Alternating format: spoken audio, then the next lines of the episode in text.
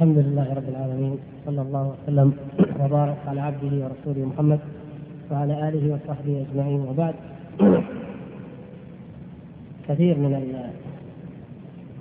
الأسئلة التي كانت من الأسبوع الماضي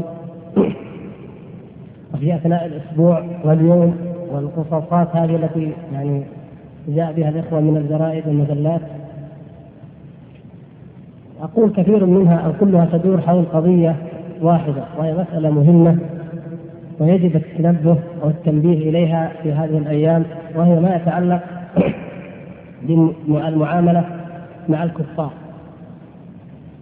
وقد رأيت أن أقرأ للإخوة الكرام ما كتبه الإمام ابن القيم رحمه الله تعالى في هذه المسألة لأنه كلام عالم موثوق في علمه متمكن فيه وفي عصر غير عصرنا هذا.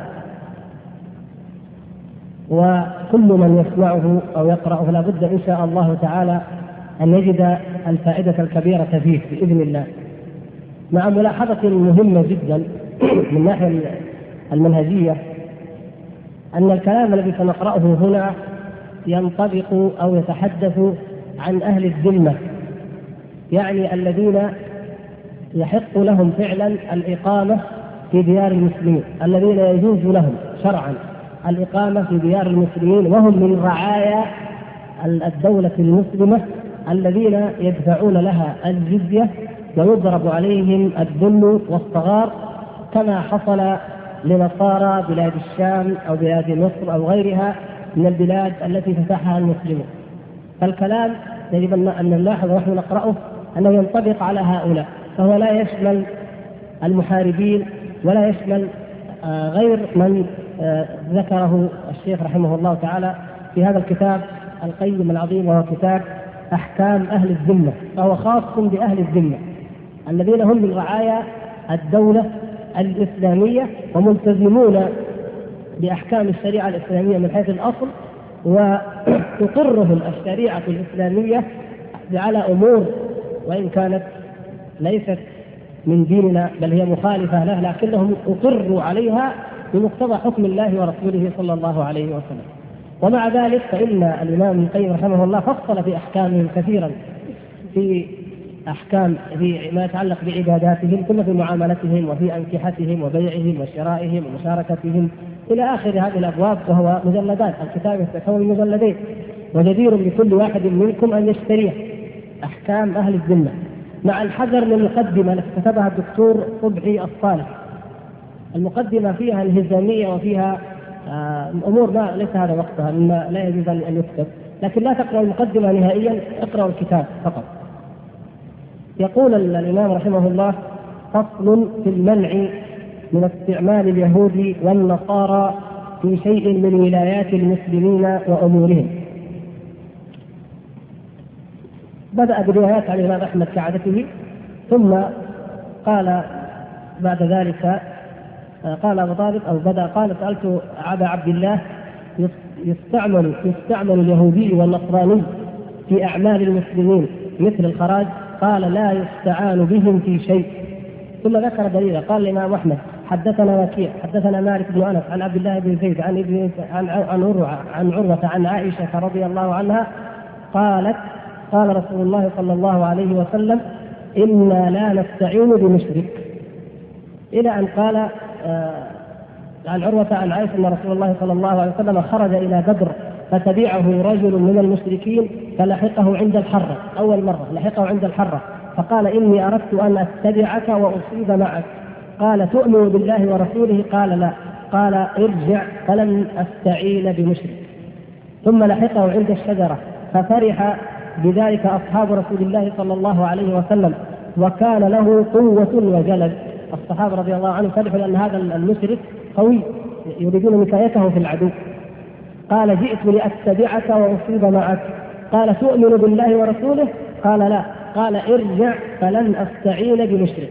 هذه المرة الثانية. ثم لحقه حتى ظهر على البيداء. المرة الثالثة فقال له مثل ذلك قال أتؤمن بالله ورسوله؟ قال نعم فخرج معه. رواه مسلم في صحيحه بنحوه. وفي مسند الإمام أحمد من حديث حبيب بن عبد الرحمن عن أبيه عن جده قال أتيت رسول الله صلى الله عليه وسلم وهو يريد غزوا أنا ورجل من قومي ولم يسلم. فقلنا إنا نستحي أن يشهد قومنا مشهدا لا نشهده معهم. فقال أسلمتما؟ فقلنا لا. قال فإنا لا نستعين بالمشركين على المشركين. قال فأسلمنا وشهدنا معه. قال بعد ذلك يعني قال وقال عبد الله بسنده قال عن أبي موسى رضي الله عنه قال قلت لعمر رضي الله عنه إن لي كاتبا نصرانيا. قال ما لك؟ قاتلك الله. أما سمعت الله تعالى يقول يا أيها الذين آمنوا لا تتخذوا اليهود والنصارى أولياء بعضهم أولياء بعض ومن يتولهم منكم فإنه منهم ألا اتخذت حليفا يعني مسلما؟ قال قلت يا أمير المؤمنين لي كتابته وله دينه. قال لا أكرمهم إذ أهانهم الله ولا أعزهم إذ أذلهم الله ولا أدنيهم إذ أقصاهم الله. وكتب إليه بعض عماله يستشير باستعمال الكفار فقال إن المال قد كثر وليس يحصيه إلا هم. يعني الجبايات والخراج والموارد كثرت وهم عندهم حذق وفهم في أعمال الحساب المحاسبة. قال ولا يحصيه إلا هم. فاكتب إلينا بما ترى. فكتب إليه لا تدخلوهم في دينكم ولا تسلموهم ما منعهم الله منه. يعني في أموركم مو لا تدخلون في الإسلام لكن شيء من أمور دينكم لا تدخلوهم فيه. ولا تسلموهم ما منعهم الله منه ولا تأمنوهم على أموالكم وتعلموا الكتابة فإنما هي للرجال أو فإنما هي حدث الرجال. تعلموا عمر رضي الله عنه تعلموا. تريد محاسب من أهل الذمة تعلموا الحساب واحسبوا. وكتب إلى عماله أما بعد فإنه من كان قبله كافر من المشركين. لما جاءت القضية كتب إلى جميع العمال أنه من كان قبله كافر من المشركين فلا يعاشره ولا يؤازره ولا يجالسه ولا يعترض برأيه فإن رسول الله صلى الله عليه وسلم لم يأمر باستعمالهم ولا خليفته من بعده أي لم يرضى. ورد عليه كتاب معاوية بن أبي سفيان أما بعد يا أمير المؤمنين فإن في عملي كاتبا نصرانيا لا يتم أمر الخراج إلا به. معاوية رضي الله عنه قال لا أنا مضطر أنا ما أقدر الخراج لا يمكن أن أن يتم ولا يكتب الا بهذا النصراني. قال يقول فكرهت أن أقلده دون امرك يعني يريد استثناء لهذا الكاتب. فكتب إليه كتب عمر رضي الله تعالى عنه إلى معاوية رضي الله تعالى عنه عافانا الله وإياك قرأت كتابك في أمر النصراني أما بعد فإن النصراني قد مات. والسلام. افرض انه مات تتعطل الأمة فيقول فإن النصراني قد مات افرض إنه مات انتهى. اذا لابد أن تتخذ غيره. يعني ما في شيء اسمه ضرورة لهذا الكافر. وقال وكان لعمر رضي الله تعالى عنه عبد نصراني فقال له أسلم حتى نستعين بك على بعض أمور المسلمين فإنه لا ينبغي لنا أن نستعين على أمرهم بمن ليس منهم فأبى فأعتقه وقال اذهب حيث شئت. وكتب إلى أبي هريرة رضي الله عنه آه، أما بعد فإن للناس نفرة عن سلطانهم فأعوذ بالله أن تدركني وإياك. أقم الحدود ولو ساعة من النهار وإذا حضرك أمران أحدهما لله والآخر للدنيا فآثر نصيبك من الله فإن الدنيا تنفد والآخرة تبقى. عد مرضى المسلمين واشهد جنائزهم وافتح بابك وباشرهم وأبعد أهل الشر وأنكر أفعالهم ولا تستعن في أمر من أمور المسلمين بمشرك. وساعد على مصالح المسلمين بنفسك فإنما أنت رجل منهم غير أن الله تعالى جعلك حاملا لأثقالهم. هكذا كتب عمر رضي الله تعالى عنه إلى أبي هريرة رضي الله تعالى عنه لما ولاه. قال ابن القيم رحمه الله ودرج على ذلك الخلفاء الذين لهم ثناء حسن في الأمة كعمر بن عبد العزيز والمنصور والرشيد والمهدي والمأمون والمتوكل والمقتدر. ونحن نذكر بعض ما جرى. قال فأما عمر بن عبد العزيز رحمه الله تعالى فإنه كتب إلى جميع عماله بالآفاق أما بعد فإن عمر بن عبد العزيز يقرأ عليكم من كتاب الله يا أيها الذين آمنوا إنما المشركون نجس. جعلهم الله حزب الشيطان وجعلهم الأخسرين أعمالا الذين ضل سعيهم في الحياة الدنيا وهم يحسبون أنهم يحسنون صنعا. واعلموا أنه لم يهلك من هلك من قبلكم إلا بمنعه الحق وبسطه يد الظلم. وقد بلغني عن قوم من المسلمين فيما مضى أنهم إذا قدموا بلدا أتاهم أهل الشرك فاستعانوا بهم في أعمالهم وكتابتهم لعلمهم بالكتابة والجباية والتدبير. ولا خيرة ولا تدبير فيما يغضب الله ورسوله. وقد كان لهم في ذلك مدة. وقد قضاها الله تعالى.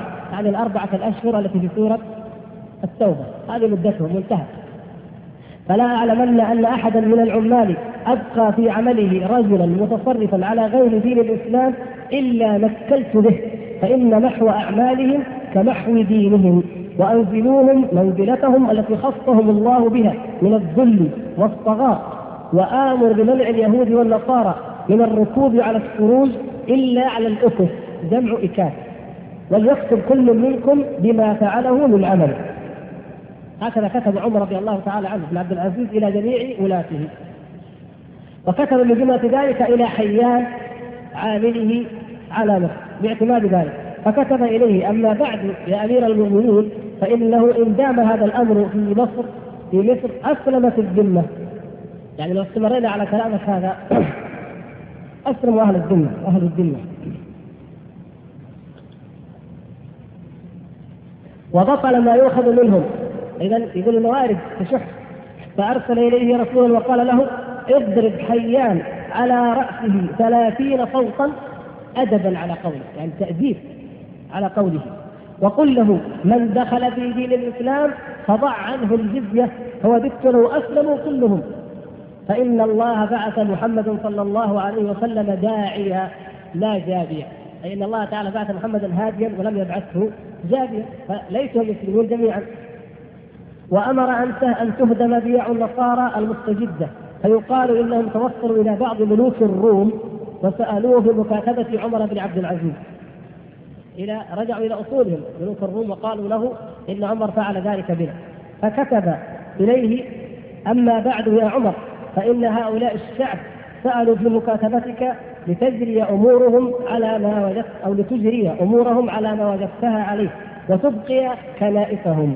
وتمكنهم من عمارة ما خرج منها فإنهم زعموا أن من تقدمك فعل في أمر كنائسهم ما منعتهم منه. فإن كانوا مصيبين في اجتهادهم فاسلك سنتهم. وإن كانوا وإن يكونوا مخالفين لها فافعل ما أردت. يعني وساطة ملك الروم وشفاعته كانت مهددة لأنه ما يريد أن يواجه عمر رضي الله تعالى عنه ويعرف قوته وصلابته. فكتب إليه عمر أما بعد فإن مثلي ومثل من تقدمني كما قال الله تعالى في قصة داود وسليمان إذ يحكمان في الحرب إذ نفشت فيه غنم القوم وكنا لحكمهم شاهدين ففهمناها سليمان وكلا آتينا حكما وعلما ما أراد أن يطعن في من قبله لأن هذا عدو للإسلام والمسلمين ما أراد أن يقول اللي قبلي ما فيهم خير. فجعلها اجتهادية وأتى بنبيين من أنبياء بني إسرائيل النصارى يؤمنون بنبوتهما. وجعل الحكم وهو معلوم عندهم في التوراة ومعلوم عندنا في القرآن أن كل منهما قد اجتهد ولكن من المجتهد؟ المصيب؟ المتأخر. ففهمناها سليمان. يعني فيقول أنا الذي فهمت الحق وأصبته وأما الذين قبلي فهم مجتهدون ولكن معذورون. وكتب إلى بعض عماله أما بعد فإنه بلغني أن في عملك كاتبا نصرانيا يتصرف في مصالح الإسلام. والله تعالى يقول يا أيها الذين آمنوا لا تتخذوا الذين اتخذوا دينكم هزوا ولعبا من الذين أوتوا الكتاب من قبلكم والكفار أولياء واتقوا الله إن كنتم مؤمنين. فإذا أتاك كتابي هذا فادعوا حسان بن زيد. اسم الكاتب إلى الإسلام. فإن أسلم فهو منا ونحن منه. وإن أبى فلا تستعن به.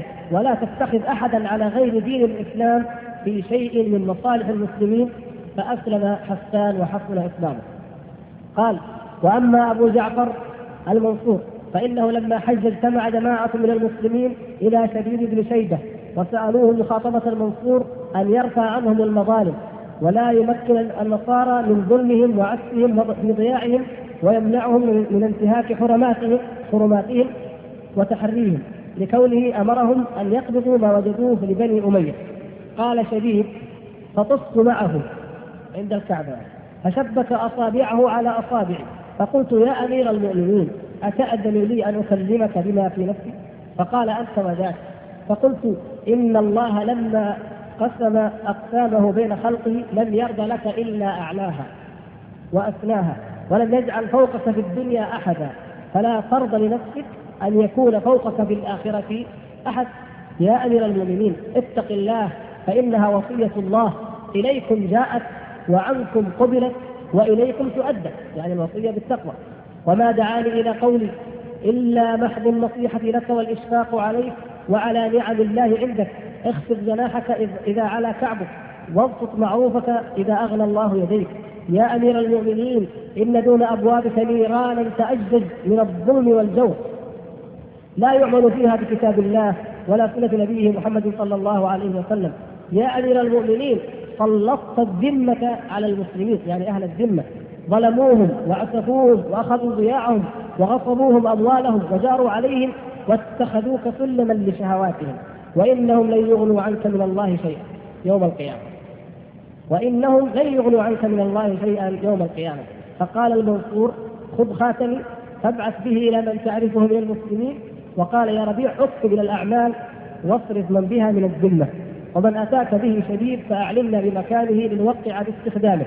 يعني هذا الخاتم جب لي ولاه من الثقات وأصرف النصارى وأجعلهم محلهم. فقال شديد يا أمير المؤمنين إن المسلمين لا يأتونك وهؤلاء الكفرة في خدمتك. إن أطاعوهم أغضبوا الله وإن أغضبوهم أغروك بهم. ولكن تولي في اليوم الواحد عدة فكلما وليت رجلا عزلت آخر. يعني تعزل من الكفار وتضع من المسلمين قال وأما المهدي فإن أهل الذمة في زمانه قويت شوكتهم فاجتمع المسلمون إلى بعض الصالحين وسألوه أن يعرفه بذلك وينصحه وكان له عادة في حضور مجلسه فاستدعى للحضور عند المهدي فامتنع.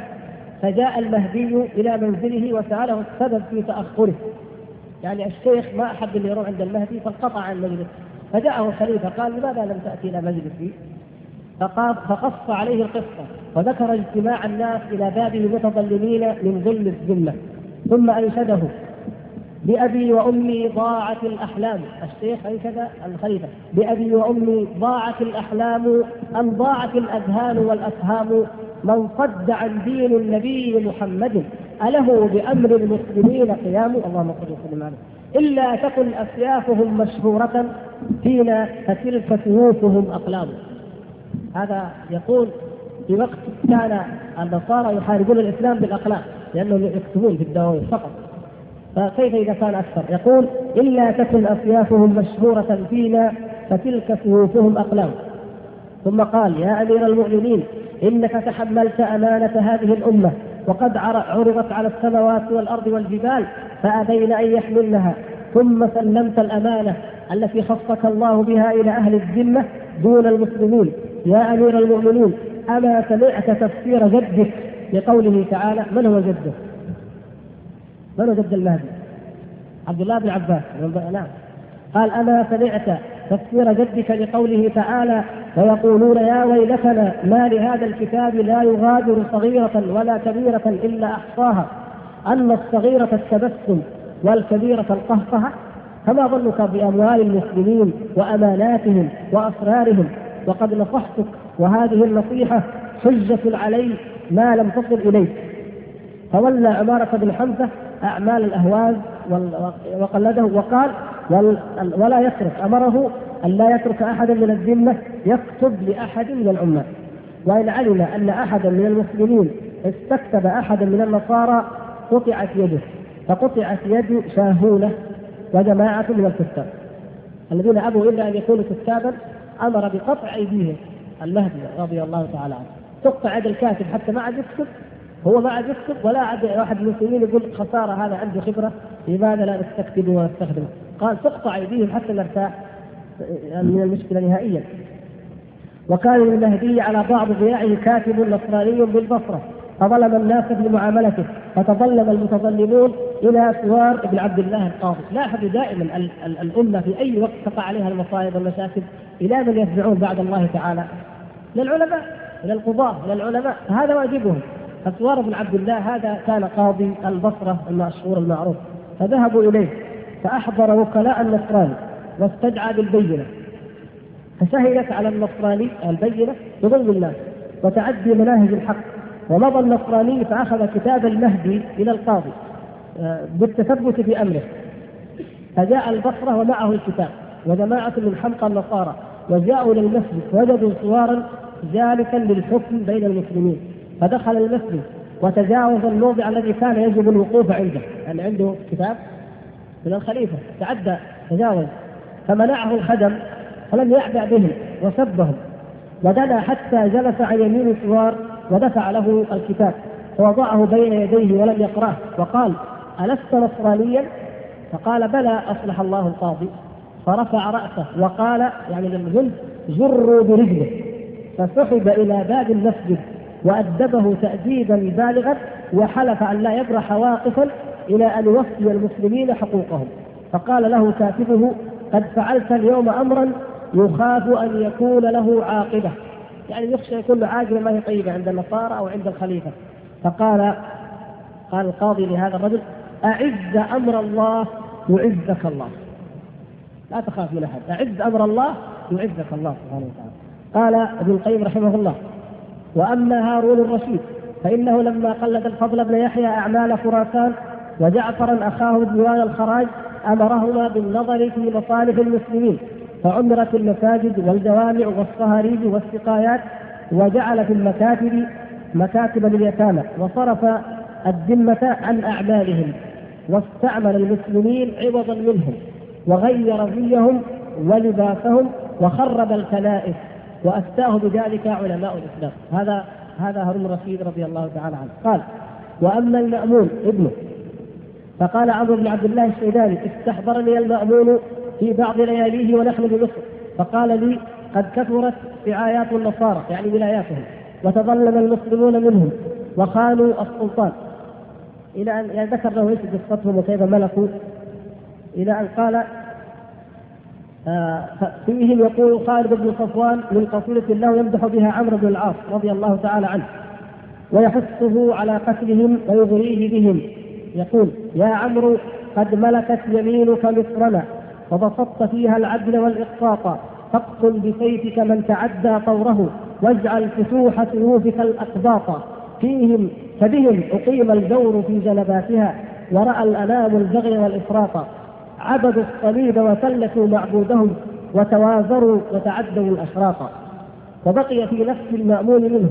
فلما عاد إلى بغداد اتفق لهم مجاهرة في بغداد بالبغي والفساد على معلمه علي بن حمزة الكسائي شيخه ومعلمه فلما قرأ عليه المأمون ووصل إلى قوله تعالى الشيخ الكسائي يقرأ على المأمون القرآن. فلما وصل إلى قوله تعالى يا أيها الذين آمنوا لا تتخذوا اليهود والنصارى أولياء بعضهم أولياء بعض ومن يتولهم منكم فإنه منهم.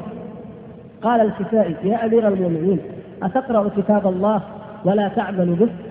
فأمر المأمون بإحضار أهل الذمة فكان عدة من صرف وسجن 2800 فبقي جماعة من اليهود منحازين إلى حماية في بعض جهاته فخرج توقيعه بما نسخته أخبث الأمم اليهود وأخبث اليهود السامرة وأخبث السامرة بنو فلان فليقطع ما بأسمائهم من ديوان الجيش والخراج إن شاء الله تعالى أو فليقطع.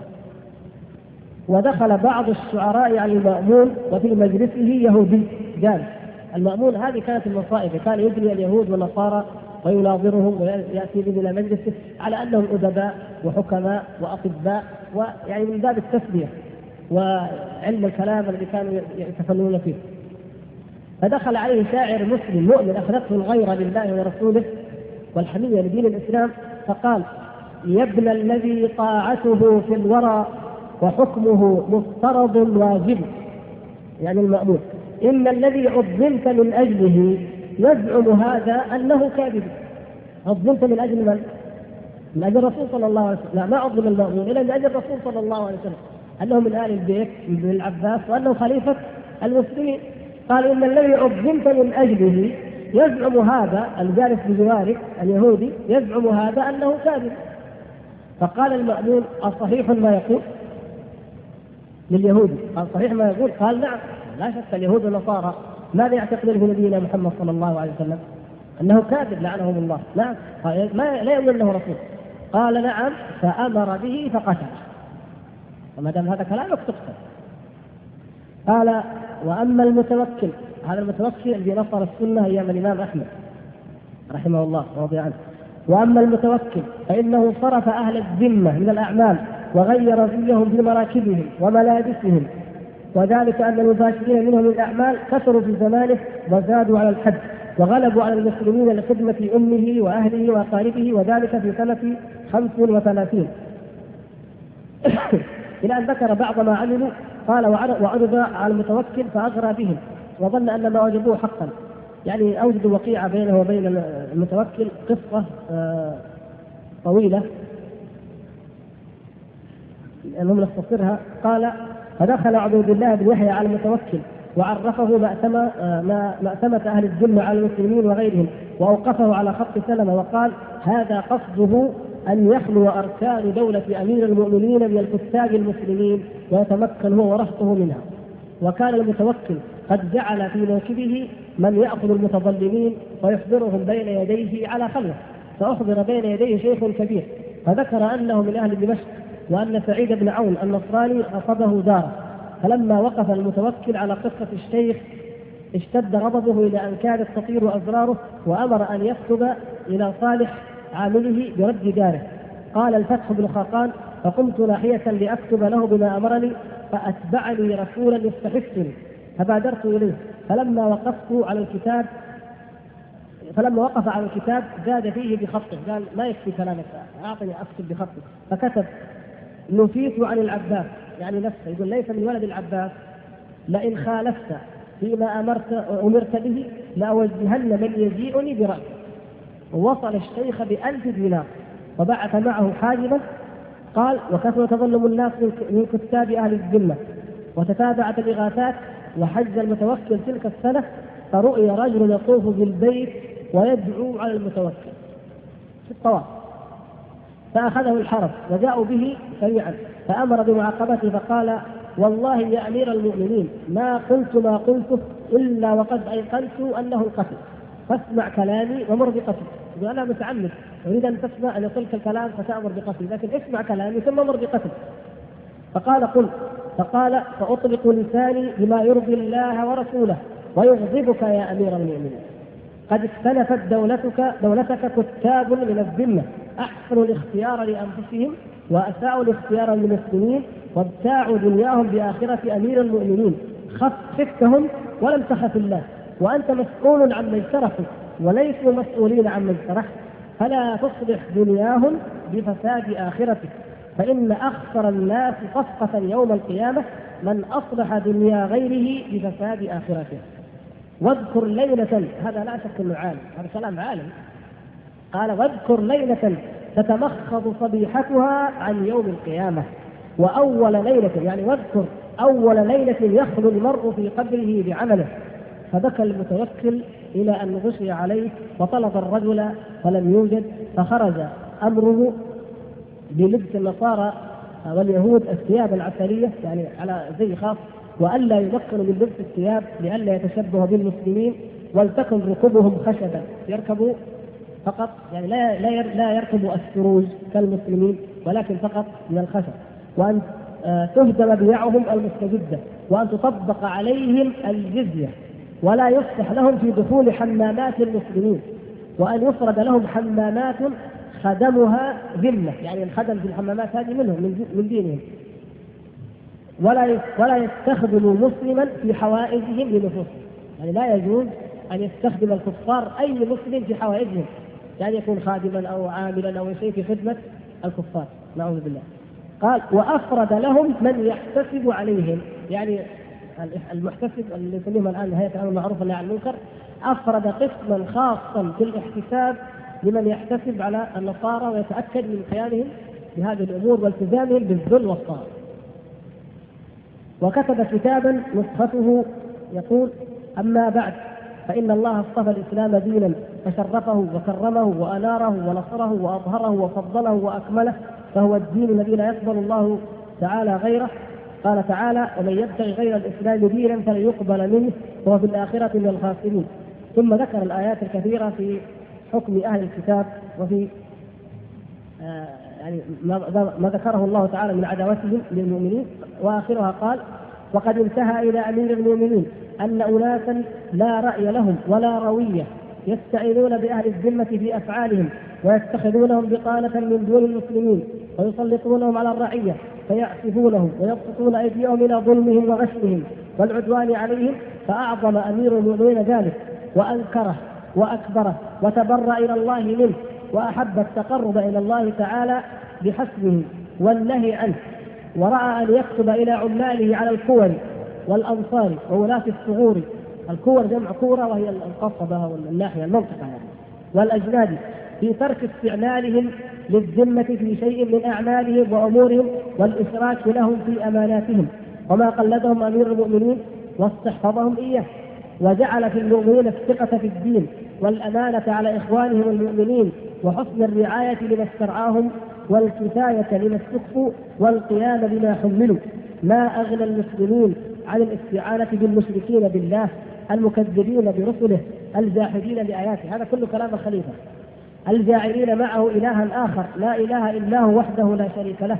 ورجاء أمير المؤمنين بما ألهمه الله من ذلك. وقذف في قلبه جزير الثواب وكريم المآب. والله يعين أمير المؤمنين على نيته في تعزيز الإسلام وأهله وإذلال الشرك وحفظه فليعلم هذا من رأي أمير المؤمنين ولا يستعانن بأحد من المشركين. وإنزال أهل الذمة منازلهم التي أنزلهم الله تعالى بها. فاقرأ كتاب أمير المؤمنين على أهل أعمالك وأشعه فيهم ولا يعلمن أمير المؤمنين أنك استعنت ولا أحد من عمالك وأعوانك بأحد من أهل الذمة في عمل والسلام. قال ابن القيم رحمه الله يستمر كلامه. قال وأما المقتدر بالله فإنه سنة خمس وتسعين ومائتين عزل كتاب النصارى وعمالهم تتكرر يجي واحد يقيم فيهم أمر الله فيأتي بعد ذلك من يدعهم يتسلطون فيأتي من يرجعهم فيقول عزل كتاب النصارى وعمالهم وأمر أن لا يستعان بأحد من أهل الذمة حتى أمر بقتل أبي ياسر النصراني عالي المؤلف الحاجب وكتب إلى نوابه بما نسخته. هذا كتاب المقتدر. عوائد الله عند أمير المؤمنين توفي على غاية رضاه ونهاية امانيه وليس أحد يظهر عصيانه إلا جعله الله عظه للأنام وبادره بعاجل الاستلام. والله عزيز الانتقام فمن نكث وطغى وبغى وخالف أمير المؤمنين وخالف محمدا صلى الله عليه وسلم. وسعى في إفساد دولة أمير المؤمنين عاجله أمير المؤمنين بسطوته وطهر من رزقه دولته. والعاقبة للمتقين. وقد أمر أمير المؤمنين بترك الاستعانة بأحد من أهل الذمة في عمل من الأعمال فليحذر العمال تجاوز أمير المؤمنين ونواهي. قال وكذلك الراضي الخليفة الراضي. الراضي بالله. كثرت الشكاية من أهل الذمة في زمانه. فكتب إليه الشعراء في ذلك فممن كتب إليه مسعود بن الحسين الشريف البياضي أحد الشعراء الغيورين. كتب إليه يقول يا ابن الخلائف من قريش والأولى طهرت أصولهم من الأدناس قلدت أمر المؤمنين عدوهم. ما هكذا فعلت بنو العباس؟ حاشاك من قول الرعية إنه ناس لقاء الله أو متناسي ما العذر إن قالوا غدا هذا الذي ولى اليهود على رقاب الناس أتقول كانوا وفروا الأموال إذ خالوا بكفرهم إله الناس؟ يعني يكون عندهم حساب وفقه في توفير الأموال. لا تذكر احصاءهم ما وفروا ظلما وتنسى محصي الأنفاس. هو الله سبحانه وتعالى. وخف الإله غدا إذا وفي إذا وفيت ما كسبت يداك اليوم بالقسطاس في موقف ما فيه إلا شاخص أو مهطع أو مقنع للراس. أعضاؤهم فيه الشهود.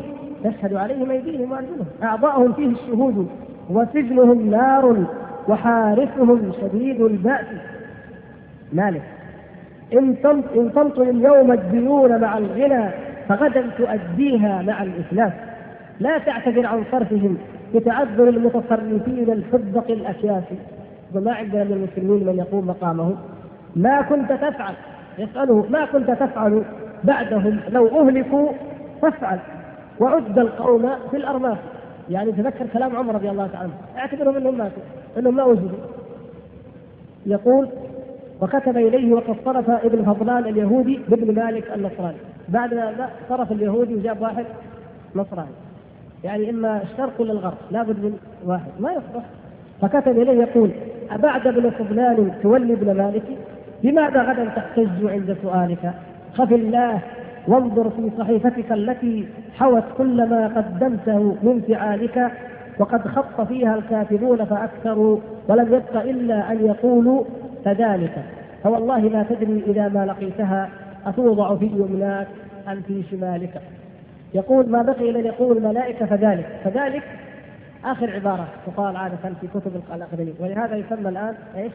الفذلكة يعني الفذلكة هي آخر الجملة مختصر المعاملة أو مختصر الكلام. يقول وكذلك بأمر بأيام الآمر بأمر الله. امتدت أيدي النصارى وبسطوا أيديهم بالجناية وتفننوا في أذى المسلمين وإيصال المضرة إليهم. واستعمل منهم كاتب يعرف بالراهب ولقب بالأب. الروحاني القديس الروحاني النفيس أبي الآباء وسيد الرؤساء. يعني شوف كيف الناس والعلماء استنكروا أن النصراني يلقب بلقب تشريف. كما قال النبي صلى الله عليه وسلم لا تقولوا للمنافق يا سيد أو يا سيدنا فإنه يكن سيدكم. أغضبتم ربكم عز وجل. فاستنكر العلماء أن هذا المنافق يسمى الأب القديس الروحاني النفيس آه، مقدم دين النصرانية إلى آخره. ثالث عشر الحواريين يقول فصادر اللعين عامة بالديار المصرية من كاتب. يعني أعمال هذا طويلة. قال ثم انتبه الآن من رقبته وأفاق من سكرته وأدركته الحمية الإسلامية. لا بأس إقرأ لكم بعض كلامه بعض كلام النصراني. هذا النصراني القبطي يقول نحن ملاك هذه الديار حربا وخراجا. ملكها المسلمون منا. هذه دعوة الكفار دائما. يقول إيش؟ هذه بلادنا ملكها المسلمون منا. وتغلبوا عليها وغضبوا واستملكوها من أيدينا. فنحن مهما فعلنا بالمسلمين فهو في قبالة ما فعلوا بنا. كيف المجرم؟ ولا يكون له نسبة إلى من قتل من رؤسائنا وملوكنا في أيام الفتوح. فجميع ما نأخذه من أموال المسلمين وأموال ملوكهم وخلفائهم حل لنا. وبعض ما نستحقه عليهم ذلك بأنهم قالوا ليس علينا في الأميين. سبيل حلال. قال فإذا حملنا لهم مالا كانت المنة لنا عليهم. وأنشد استشهد بأبيات. بنت كرم غصبوها أمها وأهانوها فبيست بالقدم ثم عادوا حكموها فيهم ولناهيك بخصم يحتفل ضرب مثالهم بالخمر. العنب تعصر تهان وتداس وتعصر بالاقدار لكن بعد ما تصبح خمر يحكموها في عقولهم. فيقول ان الأقباط أهانهم المسلمون والنصارى ثم بعد ذلك اصبحوا هم المتحكمون فيهم. المهم لما غضب عليه الخليفة كتب كتابا طويلا فيه عبر كثيرة جدا حقيقة.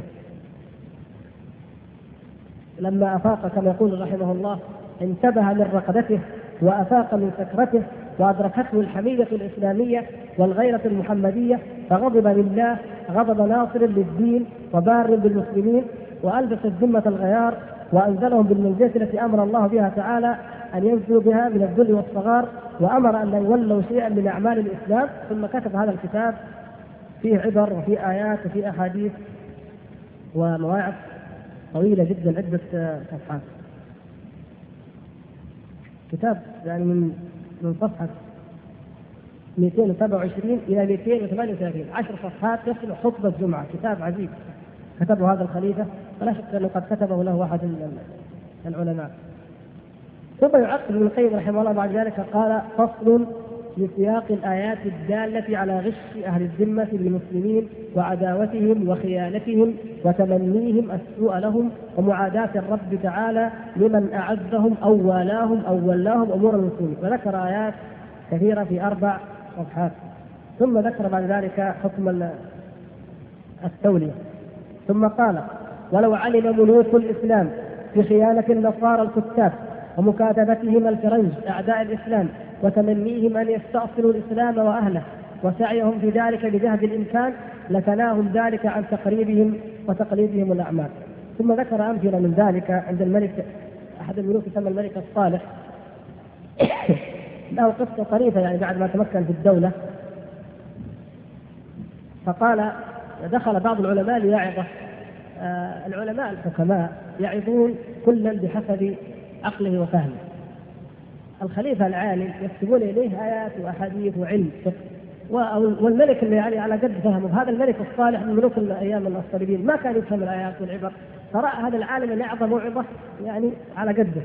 فقال له آه، مع في مجلس من الكتاب والقضاة والعلماء فقال له إن النصارى لا يعرفون الحساب ولا يدرونه على الحقيقة لأنهم يجعلون الواحد ثلاثة والثلاثة واحدة. والله تعالى يقول لقد كفر الذين قالوا إن الله ثالث ثلاثة وأول أمانتهم وعقد دينهم باسم الأب والابن والروح القدس إله واحد. يعني هذا فأخذها بعض الشعراء في قصيدة وقال كيف يجري الحساب من جعل الواحد رب الورى تعالى ثلاثة؟ ثم قال كيف تأمن أن يفعل في معاملة السلطان كما فعل في أصل اعتقاده؟ إيش دراك يعاملك ثم يتعامل مع دينه. ويكون مع هذا أكثر النصارى أمانة. وكلما استخرج ثلاثة دنانير دفع إلى السلطان دينارا وأخذ لنفسه اثنين. لا سيما وهو يعتقد ذلك قربة وديانة. فانصرف القوم واتفق أن كبت النصراني بالنصرانية بطلته وظهرت خيانته. فأريق دمه وسلط على وجوده عدمه. إلى أن يقول يعني وفيهم يقول عمار اليمني ذكر قصيدة أخرى لهم. ف على كل حال الكتاب يعني موجود. أنا ما قرأت لكم إلا بعض الكتاب موجود أحكام أهل الذمة. ابن القيم رحمه الله وهذا بعض ما فيه فيما يتعلق بتولية اليهود والنصارى واستعمالهم والاستعانه بهم. والأسئلة كثيرة بعضها يتعلق يعني أكثرها أو كثير منها يتعلق بالواقع المعاش الآن والله المستعان. هذا الخبر نقرأه من غير تعليق فقط يعني نقرأ ترجمته في عرب النيوز 24 واحد 1411 صفحة 20 صفقة سماوية لمجمع التسويق كيمار. يعني صفقة رابحة سماوية لهذا المجمع. إيش هي إيش هي؟ تتكون هذه يعني الصفقة من كم؟ خمسة آلاف وخمسمائة زجاجة من كريم منعم للجلد. هذا اللي يمسحوه بجلودهم لما يتعروا ويتبطحوا في الشمس. 2400 علبة لطرد الحشرات والناموس. 5500 أنبوبة مرطب شفايف. 5500 علبة بودرة أقدام. عشان لما يمشوا في الصحراء. 5500 زجاجة لكريم الجلد ضد الشمس. يقول يعني هذا صفقة خيالية ما كان يحلم بها اشتروها في طريقهم إلى الخليج. يقول الأخ سمعنا بمقاومة في الكويت من الشباب الصالح فهل هذا صحيح؟ وما أنا الذي سمعته أن الشباب المسلم ليس له مقاومة عسكرية في الكويت وإنما قاموا بدور عظيم جدا وهو الذي تسمعونه في الإذاعة مع من يتقابلون في الإذاعة أحيانا وهو أن هؤلاء الشباب قاموا بعمل نوع من التنسيق بين الأسر وبين الناس وخاطبوا آه، يعني الغزاة وخاطبوا بعض الناس أنه آه، لا بد من يعني أن يحتسبوا لإيصال الطعام والماء إلى البيوت التي قطع عنها ولإيصال المرضى إلى المستشفى والقيام بأعمال إغاثة وخدمات ضرورية لحياة الناس. فقاموا بذلك جزاهم الله تعالى مشكورين واحتسبوا ما يلاقون من الأذى بل ربما القتل أو البطش في سبيل ذلك ولكنهم قاموا بذلك والحمد لله. وهذا من فضل الله على هؤلاء الشباب وأرجو أن يكون هذا دافعا إن شاء الله أن يلتف الناس حولهم ويعلموا من الذي يحبهم. ومن الذي يشفق عليهم؟ أهم الراقصون والراقصات وأصحاب المجلات وأصحاب الشاليهات وأصحاب الدعارة على الشواطئ وأصحاب الأشياء التي لا تخفى. أم هذا الشباب المتدين المتمسك الذي ربما كان كثير منهم يحتقره في أيام الرخاء ولا يحب أن ينظر إليه والآن في وقت الشدة يجد هذه الخدمات منه كما تسمعون في البرنامج الذي في الإذاعة أو في التلفزيون من يراه منكم. يعني يقول يقولون الإخوان المطاوعة أعطونا الماء أعطونا الطعام قدموا لنا خدمات حتى خرجنا. وهذا بفضل من الله سبحانه وتعالى على هؤلاء الشباب.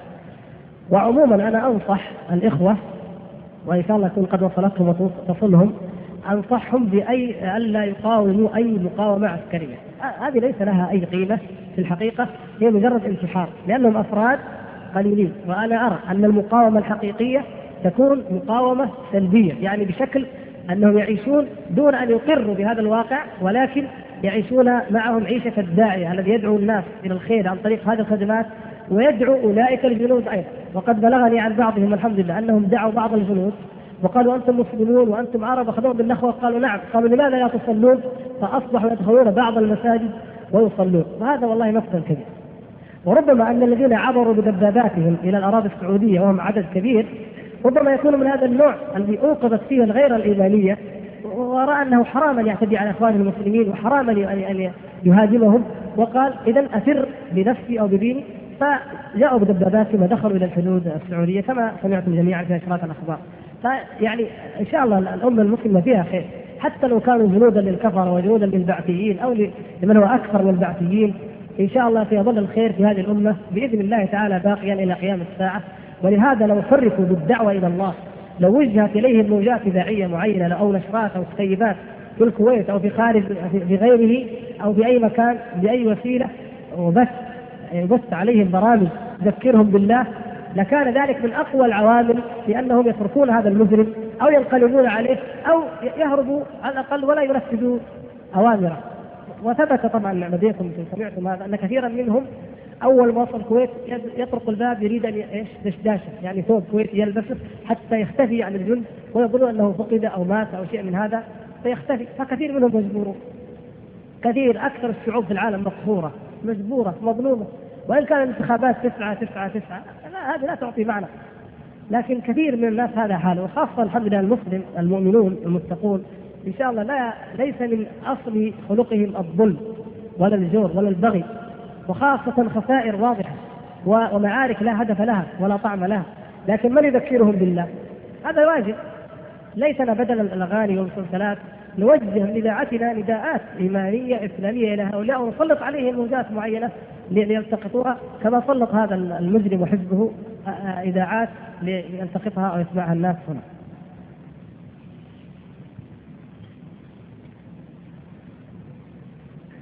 اخ يقول إن يعني إنسان مسلم ومؤمن ملتزم لكن يؤمن ويتمنى آه أن وحدة الأمة العربية خير من الفرقه في ضوء نفاق الدولة والمشاركة والشورى مطلب الأمة. وعداله التوزيع بين الأمة واجب دينه هل هذا يعتبر نقص في إيمانه؟ آه نخشى أن يكون هذا متسترا على أي حال. لا يوجد شيء اسمه الأمة العربية. ما في. أين توجد الأمة العربية؟ قبل الإسلام كان يقال العرب أو قبائل العرب. إذا صح أن نستخدم مصطلحاتنا الحالية فنقول إن الأمة العربية ما كان هذا الاسم موجود إلا قبل الاسلام. أما بعد أن بعث الله تعالى محمدا صلى الله عليه وسلم بالنور المبين وأنزل عليه الذكر الحكيم واخرجنا من الظلمات إلى النور فهو سماكم المسلمين من قبل وفي هذا. أصبح اسمنا المسلمون. المسلمين. هكذا اسمنا. والعرب جزء من الشعوب المسلمة. ولم يوجد في تاريخنا وهذا الكتب التاريخ عندنا جميع كتب التاريخ وجميع كتب الفرق والفكر والآثار وغيره لا يوجد شيء اسمه الأمة العربية، لا توجد هذه الكلمة إلا لما ظهر الساطع الحصري ومن شيء العفلق ومن قبلهم من النصارى فارس نمر وأمثالهم جاءوا بهذه الكلمة وهم أصلا ليسوا عربا أكثرهم في الحقيقة ليسوا عربا وليسوا قطعا مسلمين.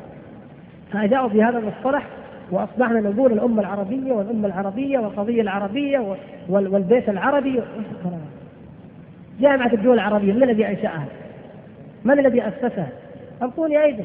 الذي كان وزير خارجيه بريطانيا ثم أصبح رئيسا لوزرائها، بريطانيا أنشأتها لتضمن لها هيمنه مثل الكومنولث ثم بعد ذلك سلمت أمر المنطقة إلى أمريكا ورثتها في حماية أو في آه، استعباد المنطقة.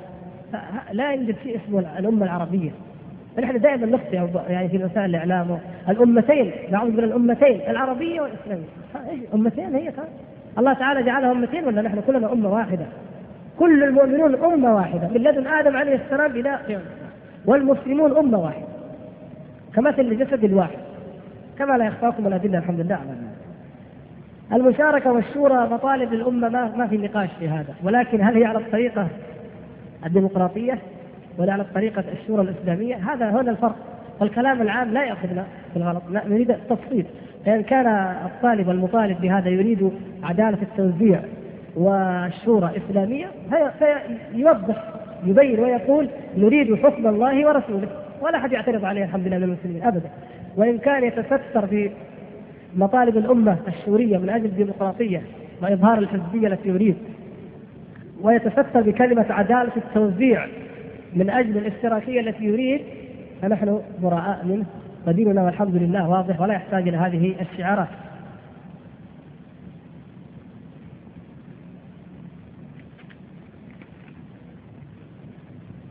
جيد هذه مقالة من مجلة الحرف. نعم. عن الوفاق لا شك طبعا لم أقرأ المقال لكن أقول ثمار الوفاق بدأت تظهر الآن.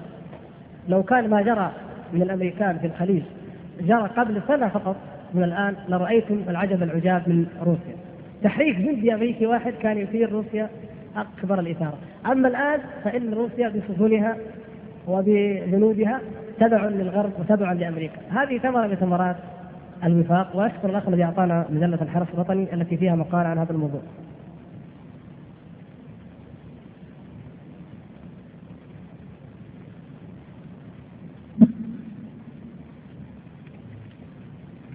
طيب هذا الأخ يقول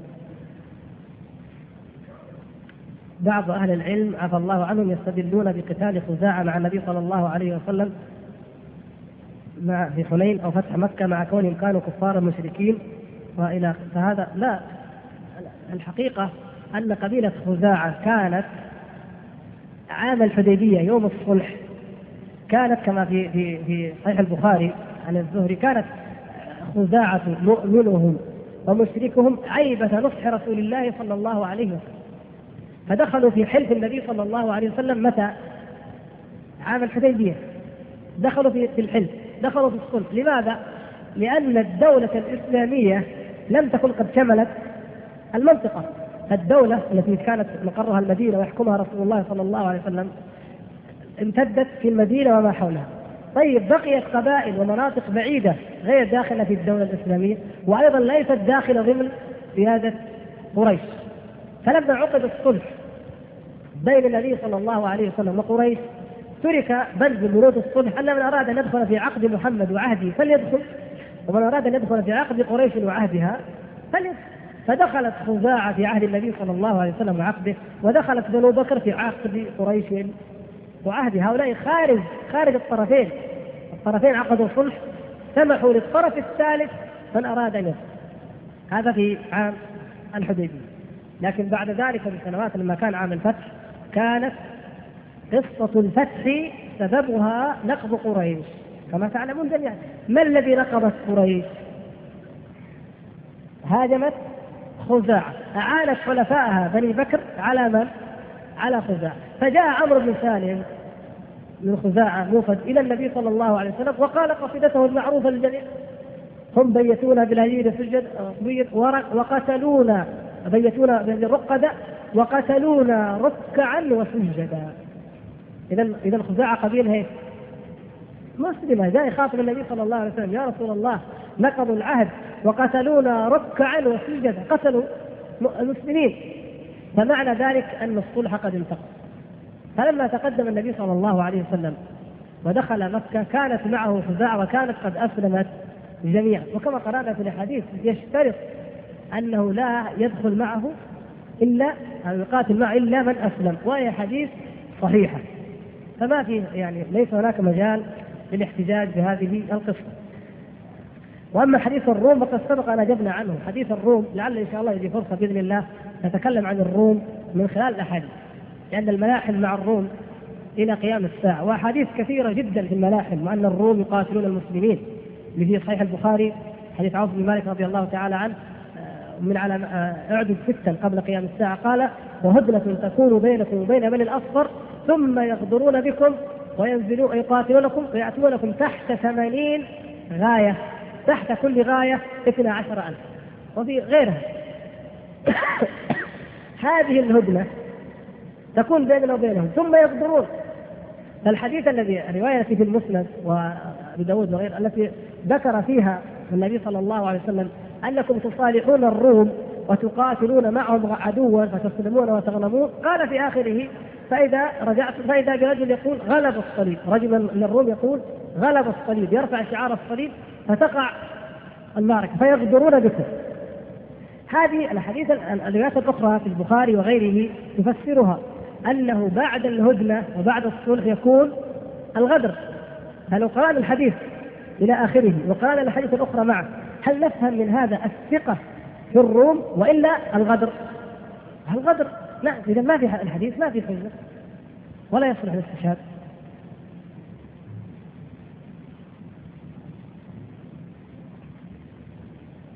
يقول الأخ والله المستعان.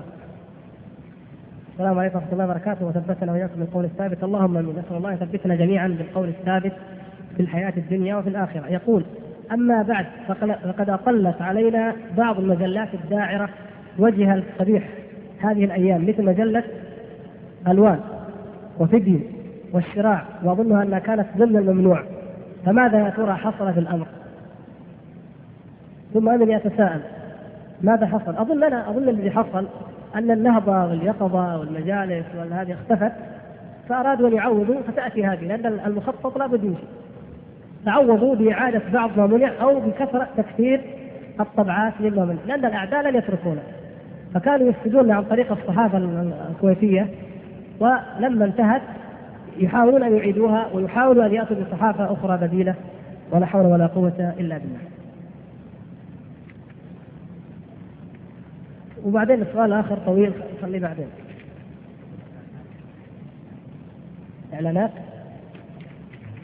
يسر مكتب التوعية أن بجدة ندعوكم لحضور المحاضرة التي سيلقيها الداعية عايض بن عبد الله الغربي بعنوان إياك نعبد وإياك نستعين وذلك في جامع الملك سعود طريق المدينة يوم الثلاثاء 8 2 بعد المغرب.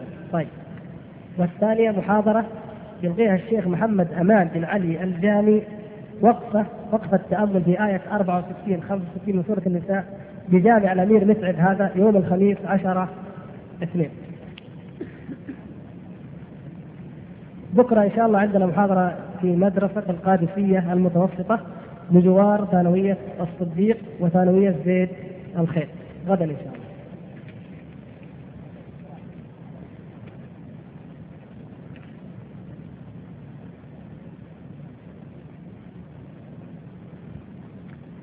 لا المحاضرة للمدرسة ما نقولها من المدرسة. هذه فتاوى جديدة والمفتي في هذه المرة محمد عبد الوهاب. حدثني واحد وأرجو أن لا يكون واهما لكن أقسم بالله انه متأكد أنه مره في في إحدى إذاعات البعثيين غير إذاعة بغداد أنه كان يقدم برنامج الإفطار في رمضان يعني أو قدمه في رمضان برنامج الإفطار موعظة دينية محمد عبد الوهاب المطرب هذا. أي نعم. يقول محمد عبد الوهاب في مجلة كل الناس يقول هناك علاقة بين علاقة وثيقة بين الدين والفن من جملة ما يقول إن الغناء أول ما نشأ في أحضان المشايخ. الشيخ سلامة حجابي يمكن كلمة الشيخ هي اللي غرته. وسيد درويش زكريا أحمد إلى اخره انظروا كيف الحرب علينا من هنا ومن هنا. وأتكلم حتى عن الشعراني. والحلقة الثانية يقول الدين حياة كاملة. برضو حوار ديني مع موسيقار الأجيال محمد عبد الوهاب. يقول حياة كاملة.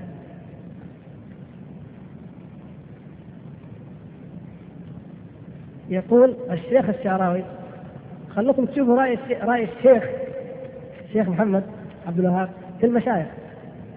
رأيه في الشيخ الشعراوي أنه يحاور الناس ولا يحاضرهم ورأيه في الشيخ الغزالي يقول عالم بأحكام الدين في عصر سريع التغيرات. شاف فتاوى الشيخ الغزالي سريعة التغير. قال أكيد أن الشيخ عالم بعصر سريع الصغيره الشيخ عبد الحليم محمود يجمع بين السلفية والعصرية. والله طيب. إذا هو عارف. شر المصيبة ما يرجع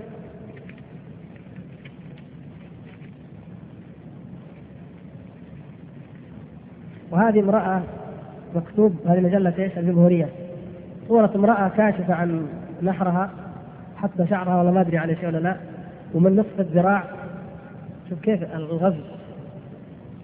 ليس نصف الساعد من هنا يعني. تقول مجندة أمريكية ضمن القوات الأمريكية الموجودة في السعودية. تمسك بندقيتها. الحمد لله. اطمئنوا وهي ترتدي تي شيرت تي شيرت يعني تي شيرت يعني خلاص تعرفوا أنا ما صدرت تعليمات للمجندات بارتداء ملابس وقورة مراعاة للتقاليد السعودية. يعني هذا الشكل التيشيرت هذا عشان التقاليد. إذا كيف لو ما في؟ ما أدري. عسكرية تصلح في المايوه معقول؟ يعني هذا مع التعليمات لا حول ولا قوة إلا بالله.